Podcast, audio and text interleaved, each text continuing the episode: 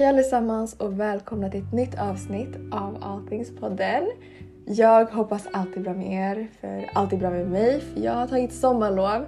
Jag hade min sista tenta i lördags. Ja, vi hade en tenta på lördag. Jättesjukt, jag vet. Men eh, nu har jag tagit sommarlov och hörni, det, alltså det är mitt sista sommarlov innan jag tar examen. Så eh, saker börjar ändras nu, alltså det börjar bli verkligt och jag har, alltså jag har faktiskt haft en väldigt, väldigt bra liksom, upplevelse. Så jag är så tacksam över att allt har gått så smidigt och Gud har verkligen tagit mig igenom det här. Så ja, det känns jätteskönt att bara ha ett år kvar av den här utbildningen och se vad Gud har för en efter det. Men poängen nu är ju inte att jag ska sitta och dela med er om min utbildning och allt det utan Alltså en sak som jag satt och tänkte på i samband med allt det här äh, med min utbildning och liksom vad Gud har gjort för mig under alla de här åren så är det vittnesbörd och hur jag har så många vittnesbörd men det fick mig också att tänka på um, mitt vittnesbörd om hur jag kom till tro för att det är ju typ den generella uppfattningen om vad ett vittnesbörd egentligen innebär. När man frågar någon vad är ditt vittnesbörd då pratar man oftast om hur man kom till tro. Men egentligen är vittnesbörd allting som Gud gör i ens liv som är värt att dela med andra Um, men jag tänkte liksom främst på hur jag kom till tro och mitt perspektiv på vad eller hur ett vittnesbörd eller vad ett vittnesbörd är har ändrats så mycket liksom förr jämfört med nu också. Um, för jag minns att i början när folk brukade fråga mig, ja, men vad är ditt vittnesbörd, hur kom du till tro? Då brukade jag bara alltid säga nej men jag har inte ett och det är inte värsta grejen så det är liksom inte värt att dela. Och det är ju så konstigt att jag tänkte så för att nu förstår jag ju bättre. Nu vet jag liksom vad jag har blivit räddad från. Men förut så fattade jag verkligen inte det. Um, och då brukade jag bara undvika den frågan helt. Alltså typ när jag blev så här ombedd av att eh, ombedd från någon att dela mitt vittnesbörd på vissa outreaches som jag hade eller som vi höll i kyrkan eh, där man bjöd liksom utomstående som skulle komma och lära sig lite om Jesus och vad Jesus brukar göra i vårt liv. Då sa jag nej alltså till att dela mitt vittnesbörd för att jag kände att jag hade sån underwhelming historia. Och jag minns bara att jag googlade upp det här problemet och grejen med mig är att jag googlar upp allting. Okay? Vad, vad det än är för problem som jag har så googlar jag upp det. Och jag sökte upp så här, oh, I don't have a testimony, why is, like, så här, how come, jag vet inte vad. Och jag hittade en artikel där det var en tjej som på sätt och vis förstod vad jag menade. Liksom. Hon skrev att hon också har alltid känt sig ganska utanför i hela den grejen för att hon var ett pastorsbarn. Um, och det ser jag faktiskt väldigt mycket i pastorsbarn, att de alltid känner sig att de det har liksom varit en självklarhet för dem. Det här kristna livet har varit en självklarhet för dem. För, dem, för att det känns som att de har blivit på sätt och vis infödda i det. Du kan inte bli född till frälsning såklart men för dem så har de upplevt det på det sättet. För att ja, men de har liksom lärt sig rätt och fel från första början och de vet vem Jesus är. De vet vad synd är. De vet vad Jesus har gjort för dem på korset och allt det. Um, och för den här tjejen så var det så att hon kände att kristendomen var en sån självklarhet för henne men för att kunna ha ett vittnesbörd så började hon bli rebellisk för att få ut ett vittnesbörd från det. Förstår ni? Så typ hon började så gå till de här umgängen där det var liksom lite Alltså det var umgängen som inte var bra för henne och typ kanske börja röka med dem, smygröka och så vidare för att sen säga liksom oh, men jag har ett vittnesbörd. och det var ju aldrig den punkten för mig. Utan för mig var det mer så här, jag har inte sett pastorsbarn, jag är så långt ifrån det. Så jag relaterar inte heller till den där liksom grejen att jag har inte ett vittnesbörd för att jag har alltid varit kristen. Utan för mig var det så att när jag hörde vissa personers historier så hade de värsta historien så här, om hur de blev liksom räddade från så här, föräldralöshet eller depression och självmordstankar och allt det. Och jag tänkte bara nej, alltså så var inte min historia. Men grejen som jag uppskattar så mycket med mitt vittnesbörd det är att det går helt emot vissa människors uppfattning om att här, religion är någonting som kontrollerar människor och att kristendomen eller så här, kyrkan, eh, att deras mål är att locka sårbara människor som är desperata efter gemenskap och så vidare. För att det var liksom inte mitt fall. Jag var inte, så, jag var inte sårbar alls när jag fann Gud. Alltså jag var inte... Såklart jag var liksom bruten och sånt men jag var liksom inte desperat eller något sånt för att Gud mötte mig verkligen i det jag trodde var min höjdpunkt. Alltså jag trodde att livet var så bra för mig då och jag kan ju berätta lite kort sådär äh, att eh, mot slutet av 2019, eller jag kan... Låt mig börja så här. Äh, efter jag tog examen, eh, studentexamen, alltså efter jag tog studenten, så åkte vi till Eritrea med min familj och vi var där en månad och sen kom vi tillbaka. Och eh, under tiden som jag var i Eritrea så hade jag ju jag, jag hade fått antagningsbesked för att jag hade ju sökt till um, att liksom vidareutbilda mig på universitetet. Och så minns jag bara att mina kompisar hade ringt mig och de, hade, de skulle logga in och liksom säga om jag hade kommit in eller inte. Och jag kom ju inte in första gången som jag sökte till juristprogrammet. Så då var jag så här: okej, okay. jag tänkte inte så mycket på det i Eritrea, såklart man hade lite, så här, lite ångest men så kom jag tillbaka hem och då slog det mig så här: okej, okay, jag har inga planer just nu. För att mina, alltså vissa av mina vänner pluggade fortfarande kvar i gymnasiet och sen mina andra vänner var liksom på universitetet. Och jag hamnade verkligen i en mellanfas där jag inte visste vad jag skulle göra. Och jag var så här: okej, okay, nu, nu har jag verkligen ingen plan. Och då kändes livet jättesegt. Då var det liksom väldigt, väldigt, alltså det gick väldigt dåligt för mig. Um, men jag fortsatte kämpa, eller kämpa och kämpa, jag väntade bara ut det liksom. Och sen så skulle man ju söka till nästa termin, alltså till vårterminen och då sökte jag. Men under den här tidsperioden så hade jag blivit introducerad till Love Attraction av en vän. Och eh, hela grejen med Love Attraction var typ att man skulle leka som att man redan hade vissa saker. Så att du skulle inte be om saker så som kristna ber liksom till Gud om att hans vilja ska ske och att man ber om ens behov och sånt. Utan du skulle liksom ha den här inställningen att det hade redan hänt.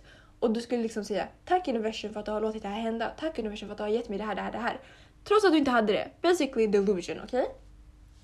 Och det var liksom det jag hade blivit introducerad till. Men jag brukade anteckna de här sakerna då. Jag brukade skriva ner det i en bok och leka som att jag hade de här sakerna. Och jag minns ju första första gången det hände och det var um, när jag skulle skriva liksom om att jag ville komma in på min, ut, på min utbildning. Och jag har kvar liksom hela den här Alltså det, det är inte ens en bön, man kan inte kalla det för en bön. Men ja, när jag skrev ner min vilja, då hade jag skrivit så här, idag kommer jag få goda nyheter, jag kommer få bra nyheter. Och sen, den lilla, lilla kristna, alltså den lilla kristna i mig sa i Jesu namn, okej okay, men det fanns ju inget kristet med den där bönen. Och så skrev jag det. Um, och samma dag, alltså jag tog en nap och så när jag vaknade upp från min nap så hade jag fått antagningsbesked och jag hade kommit in på mitt förstahandsval och jag var så här, alltså what? Hur hände det här? Och det här var liksom ett av målen som jag hade. Och sen de andra målen som jag hade, det var att eh, ta körkort innan jag flyttade hemifrån.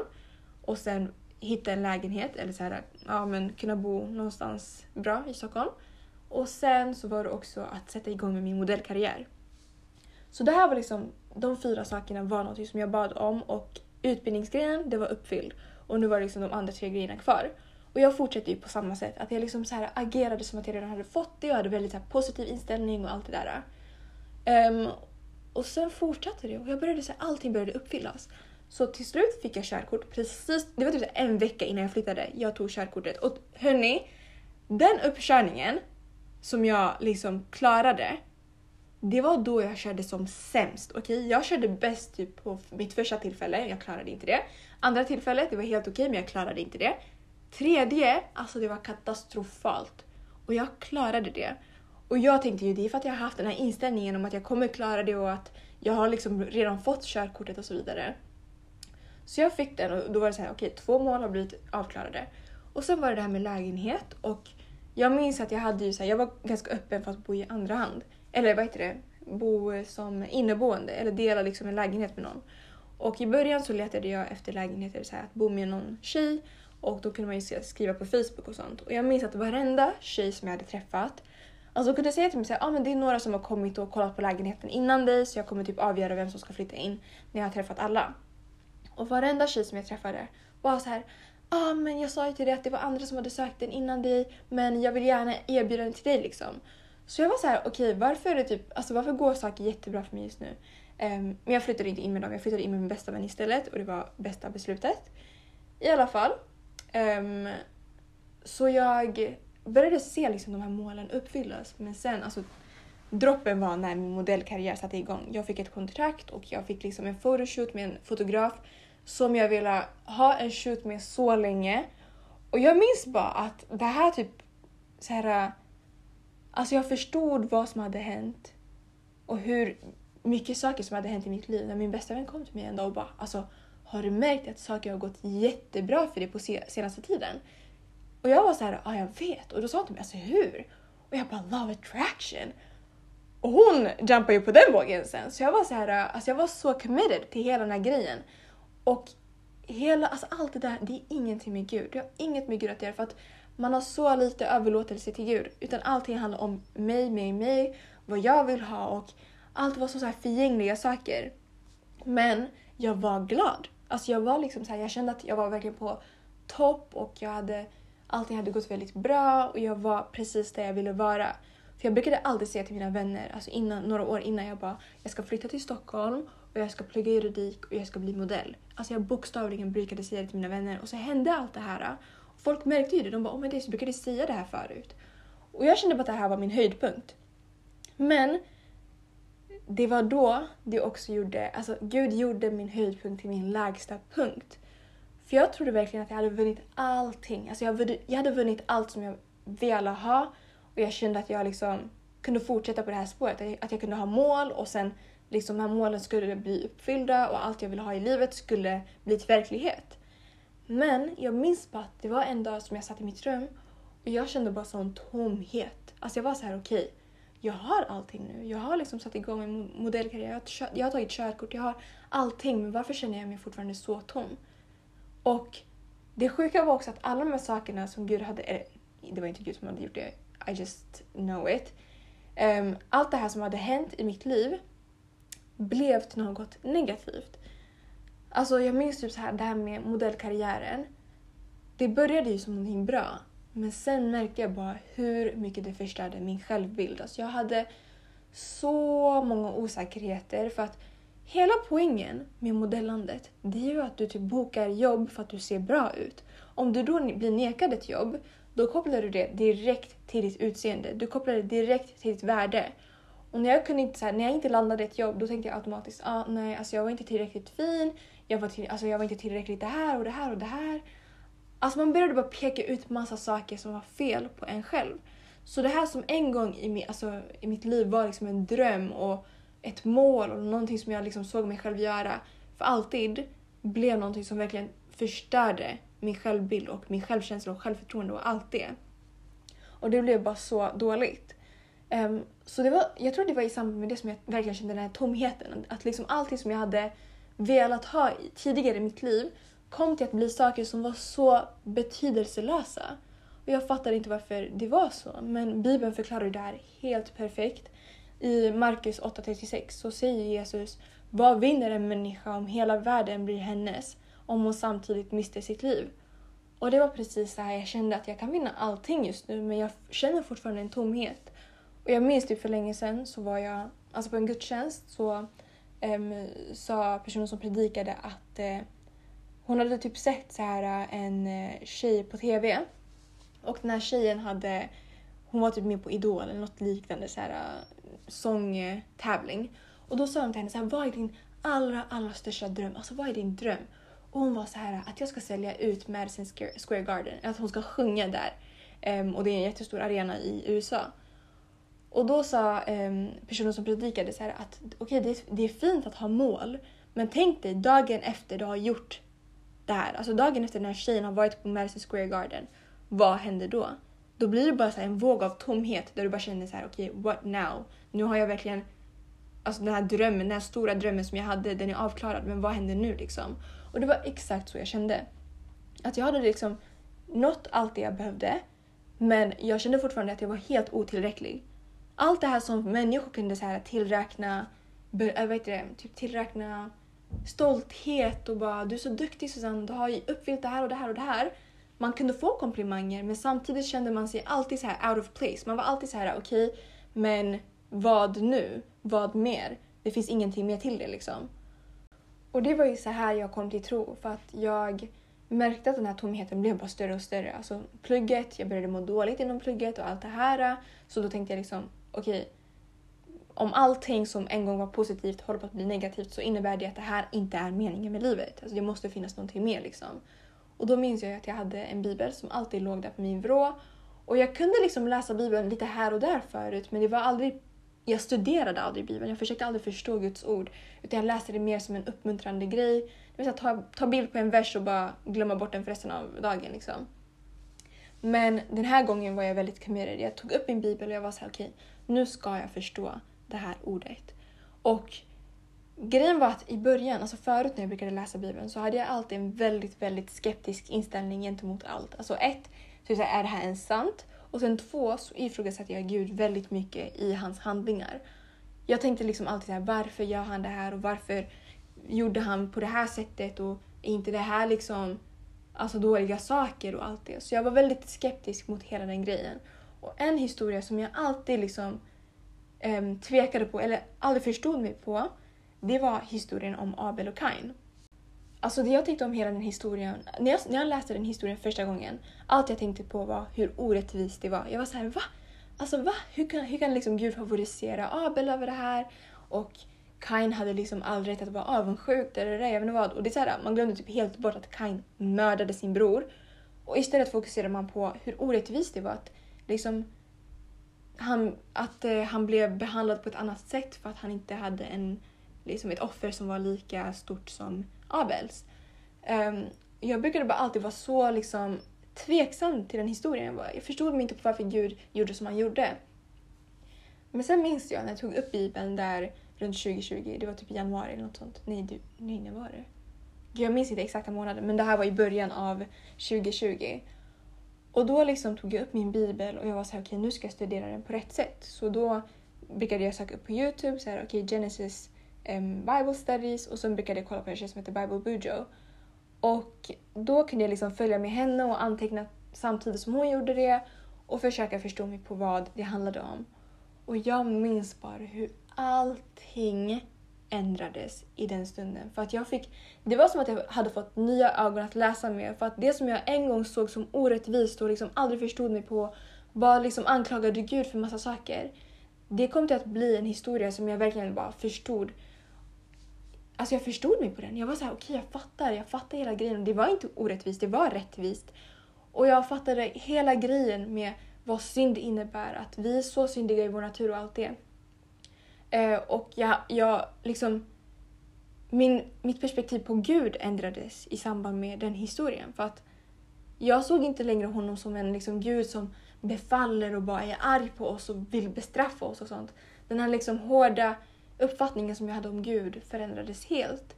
För att trots att Kain var en ond person så skyddade Gud honom ändå. Alltså när han skulle liksom, när han blev eh, vad säger man, bannad från um, där han var.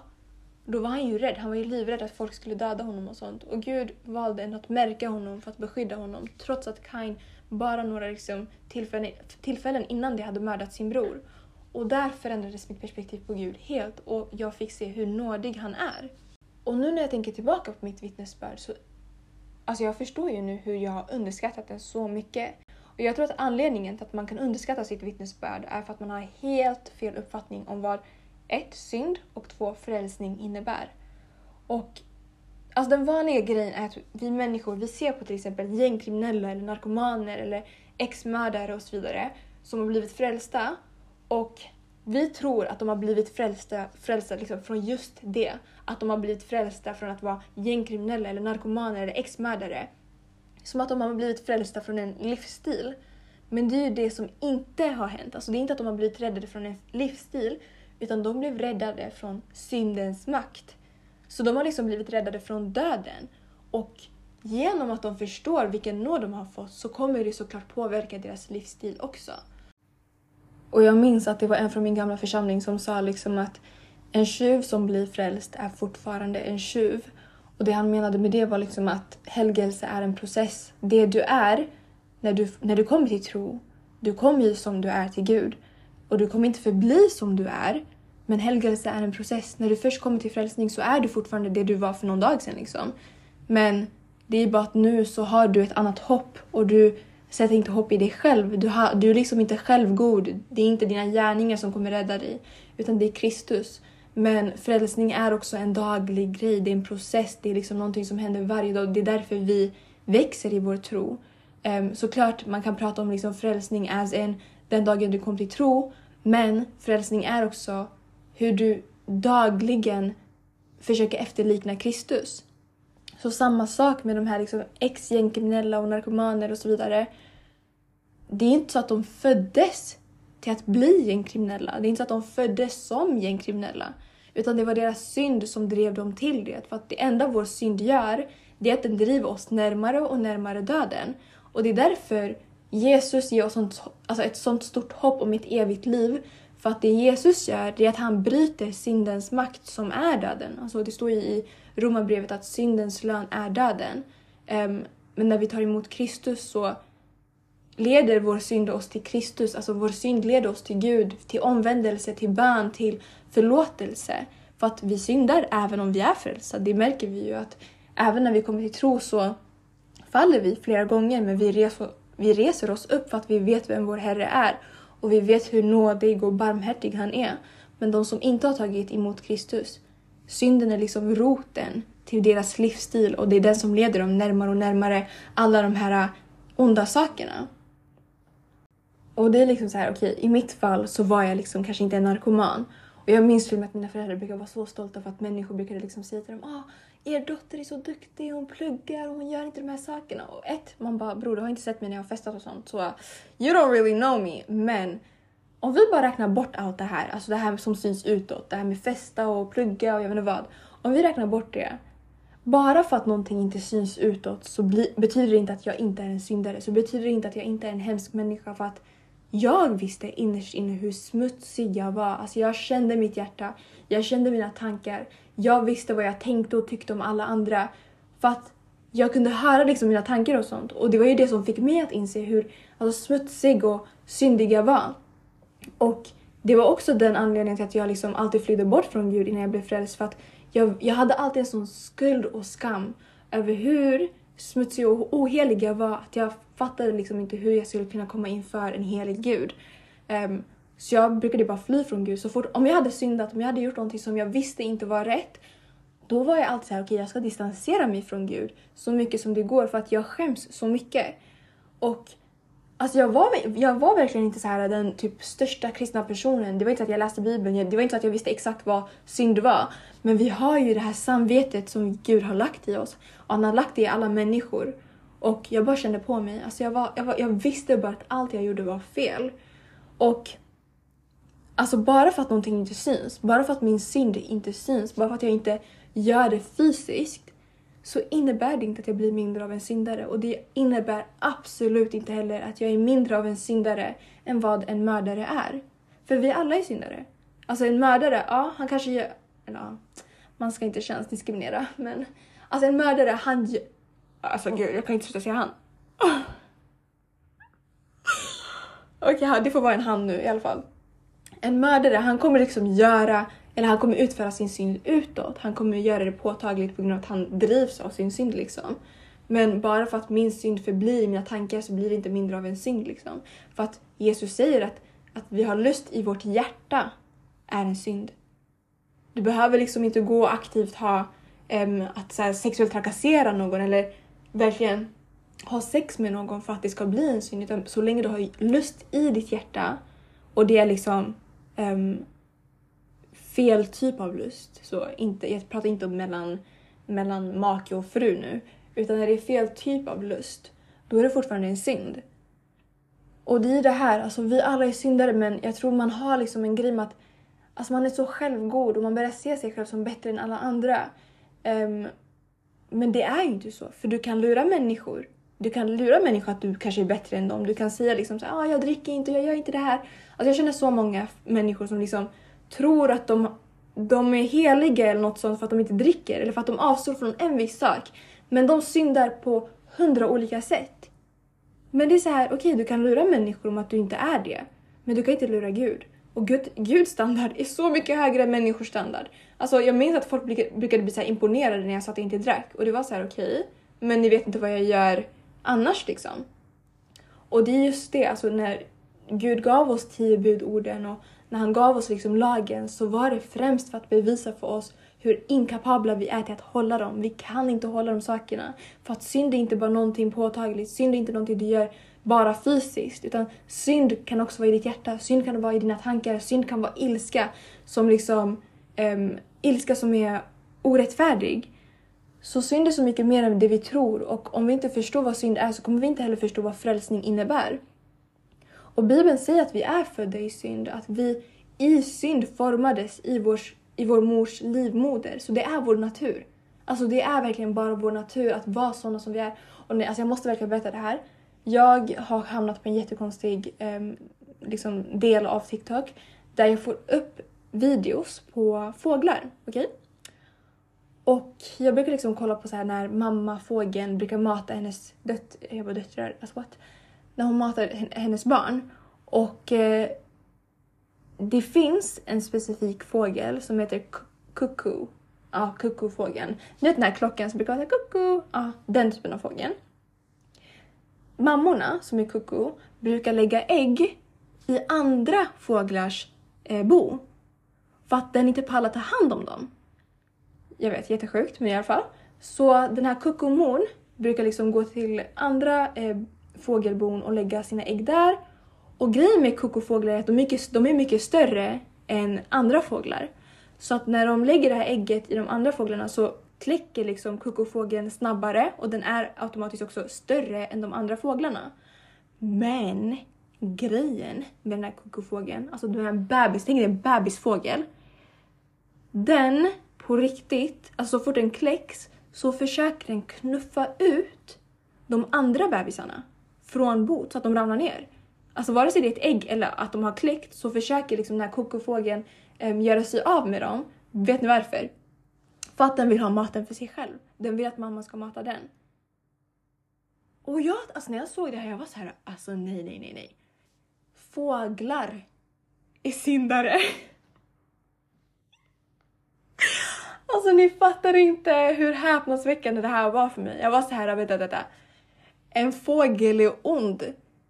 Förstår ni vad det här innebär? Alltså, när vi säger att alla är syndare, alla är syndare, till och med fåglar. Okej? Okay? Hur kan en bebisfågel vara så... Alltså, den föds med en vilja att mörda. Alltså nej, det här, det här är sjukt för mig och man kan ju sitta och prata om det här med, vad heter det? Natural selection eller vad det heter. Men hörni, allt det där för mig, it's sin, okej? Okay? Det är vår syndfulla natur. Och när vi föds som syndare så betyder det ju också att vi föds utan förmågan att göra gott. Så vi föds inte med godhet liksom, utan nej, vi föds som syndare, punkt slut.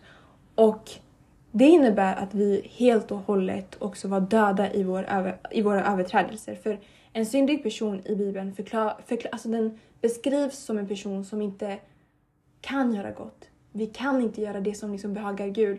Och syndaren beskrivs också som en död person.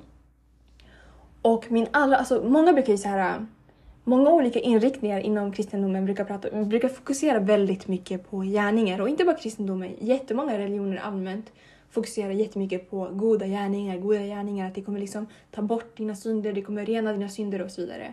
Men i Bibeln så står det att alltså min allra finaste gärning är enligt Bibelns standard som en fläckad dräkt. Och en fläckad dräkt, hur ska jag förklara för er? Jag vet inte om ni har... Åh oh, gud, nu minns jag inte exakt vem det var i Bibeln. Det var antingen Jeremia eller så var det Jesaja. Okej, jag hittade att det var i Jesaja som det stod om fläckad dräkt. Men jag minns bara att jag hade hört en predikant som liksom försökte beskriva det här med fläckad dräkt. Eh, och han liknade det vid en menstrasa. Och det innebär liksom att min finaste, finaste gärning är enligt Bibelns standard som en menstrasa. Det är som att jag försöker komma till Gud med en menstrasa och säga kolla vad fina saker jag har med mig. Och jag minns också att jag läste en uh, quote för någon dag sedan där det stod “Till men have faith in Christ, their best services are but glorious sin”. Och det är exakt så det är. Alltså tills du kommer till tro på Kristus så spelar inget du gör någon roll. Oavsett hur fint, oavsett hur vackert det är. Det spelar ingen roll. För i slutet av dagen, du kommer ändå driva dig själv till din förödelse. Du kan göra en bra grej men om du imorgon vaknar upp och väljer att döda någon. Den där bra grejen som du gjorde, det spelar ingen roll. Den spelar ingen roll. Så innan jag kom till tro så var jag avsedd att dö i min synd men det är bara och bara tack vare Kristus som jag får evigt liv. För tills, alltså, tills jag tog emot Kristus så var jag liksom helt och hållet död. Det var inte så att jag var halvt levande och var såhär okej, okay, jag kan fortfarande göra gott, jag kan fortfarande göra det här. Utan det spelade ingen roll. Alltså, det var en menstrasa. För Gud säger till Jeremia att även om du tvättar dig med lut och rikligt med såpa så består din synds fläckar inför mig. Så vad innebär det här? Oavsett hur mycket jag försöker skrubba mig själv och försöker liksom för, ta bort mina eh, synder och liksom verkligen framställa min godhet och allt det. Min syndsfläckar består alltid inför Gud. Han kan se mig på ett sätt som ingen annan kan se mig. Han ser mitt innersta, han ser mitt hjärta, han ser alla mina tankar. Alla mina tankar, nu är när man är på tuben och så någon går in i en och man tänker bara ah, oh, alltså vilken... Gud ser det där. Han ser hur syndiga vi är. Allt från våra tankar till vår, vårt tal, till våra handlingar. Han ser allt, allt, allt. Så det finns ingenting som du gör som kan ta bort det där. Om inte det att du tar emot Kristus. För att Jesus var den enda syndfria. Han är den enda som kan rengöra oss och det är hans rättfärdighet som vi blir tillräknade. När Gud ser oss, när han förlåter oss, när han liksom tar, tar emot oss i sitt rike. Det är inte för att han ser hur goda vi har varit. Det är för att han ser Kristus i oss. Och när Gud liksom säger att vår syndsfläckar består inför honom så är det ett sätt för honom att visa att inget och ingen kan hjälpa oss att ta bort den här synden som sitter fast på oss och i oss förutom Kristus. För om vi har ärvt synden, alltså om det är vår natur, om vi är födda på det sättet, hur kan vi då tänka oss att vi kan liksom motarbeta vår natur? Det är din natur, du är född på det sättet. Det är som att du ska liksom försöka, försöka få bort din hudfärg, det går inte, du är född på det sättet. Men den enda som kan verkligen hjälpa oss bort från det här, hjälpa oss från konsekvenserna av vår synd, det är Kristus. Och jag säger till er, alltså, det var inte förrän jag kom till insikt om hur, hur pass allvarlig synd är som jag på riktigt förstod hur mäktigt mitt vittnesbörd var. Alltså nu när folk frågar, jag, är så här, jag kan babbla på i timmar om mitt vittnesbörd. För att jag sitter inte och fokuserar på vad jag blev räddad från, liksom vilken livsstil och sånt. Jag, fokuserar inte, jag sitter inte och fokuserar på vilka mirakler Gud har gjort i mitt liv. Utan jag sitter och fokuserar på vad det innebär för mig, vad det innebär för min evighet och vad, vad, alltså hur synden har blivit bruten över mitt liv. Och att varje dag när jag har syndat så vet jag att det behöver inte driva mig bort från Gud utan jag har en mäktig, mäktig och helig Gud men också en fader som är redo att ta emot mig med öppna armar varje gång. Alltså verkligen varje gång jag syndar, när jag ber om förlåtelse så kastar han min synd bakom sin rygg och han glömmer den. Och det är så...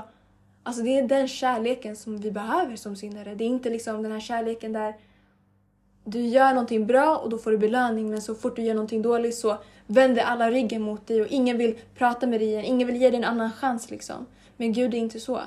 Han ger oss inte bara en andra chans utan han ger oss, alltså, han ger oss evigheten med honom. Och därför tycker jag också att alltså, det är så viktigt, så otroligt viktigt att trycka på vad synd är och hur syndiga vi människor är när vi delar evangeliet.